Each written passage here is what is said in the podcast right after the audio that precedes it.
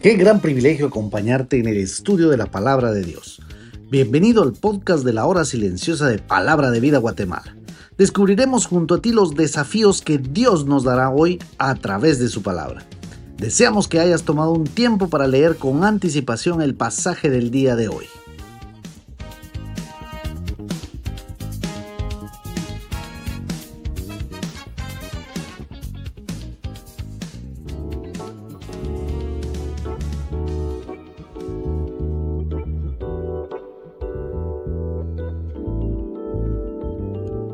Doy gracias al que me fortaleció, a Cristo Jesús nuestro Señor, porque me tuvo por fiel poniéndome en el ministerio. 1 Timoteo 1:12. Que Dios te bendiga, muy buenos días. Soy Héctor Salazar y gracias a la misericordia de Dios podemos avanzar en el tiempo y llegar a esta última semana de mayo, ya cinco meses de 2023 y qué rápido transcurre el tiempo. Así que gracias por acompañarnos en este audio o podcast de la hora silenciosa día a día. Hoy vamos a seguir en el libro de la primera carta a Timoteo que comenzamos a ver ayer, solo que estamos en el capítulo 1 del versículo 12 al versículo 20. ¿Qué propósito tenía Pablo con esta carta? Pues dar instrucciones a su querido hijo en la fe Timoteo de cómo establecer un liderazgo apropiado para la iglesia. ¿Por qué digo apropiado?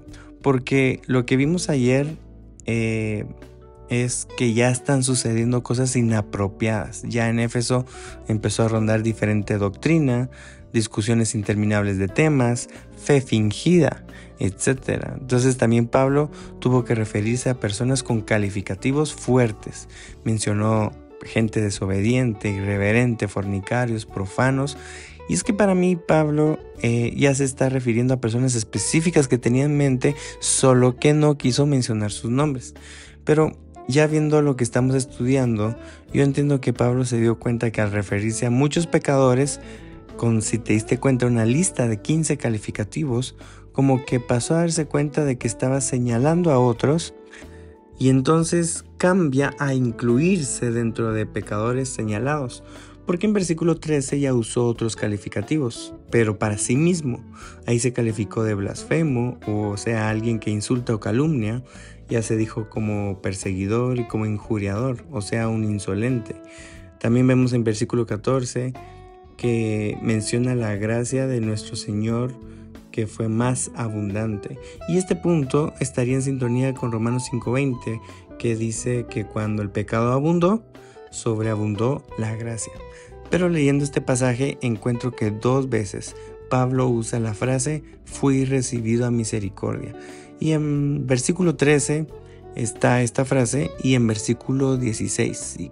¿Y qué significa esta frase de fui recibido a misericordia? Bueno, la palabra misericordia aquí es la palabra griega eleo, que da la idea de tener compasión de, por lo que Pablo aquí expresa que Dios había sido bueno con él y lo había perdonado. Pablo quiso darle un ejemplo a Timoteo que para todo pecador puede haber un pasado distinto a un presente. Todo pecador puede tener acceso a un antes y a un después, tal y como él había escrito a Corinto en su segunda carta, capítulo 5, versículo 17, cuando dice que el que está en Cristo es nueva criatura porque las cosas viejas ya pasaron y ahora todo es hecho nuevo por Dios. ¿Cuál es la garantía de esto? Pues lo que nos dice ahí Pablo en versículo 15. dice, Cristo Jesús vino al mundo para salvar a los pecadores.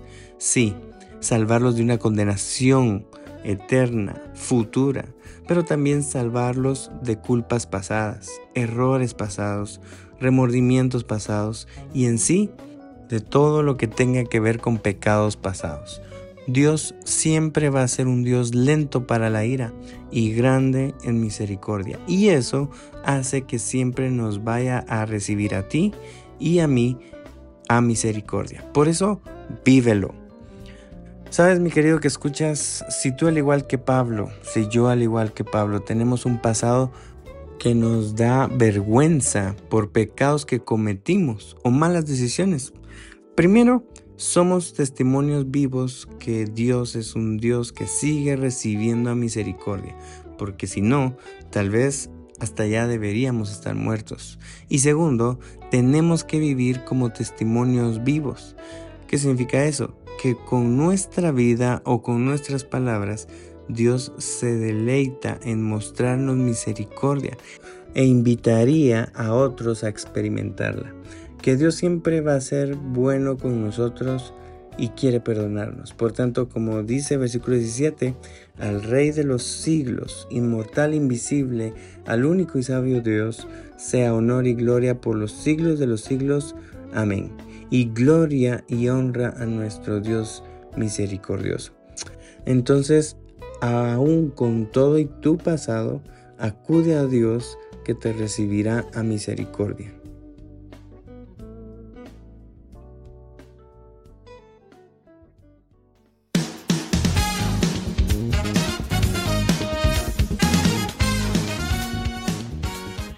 Es emocionante saber los tesoros que Dios tiene en su palabra para nosotros.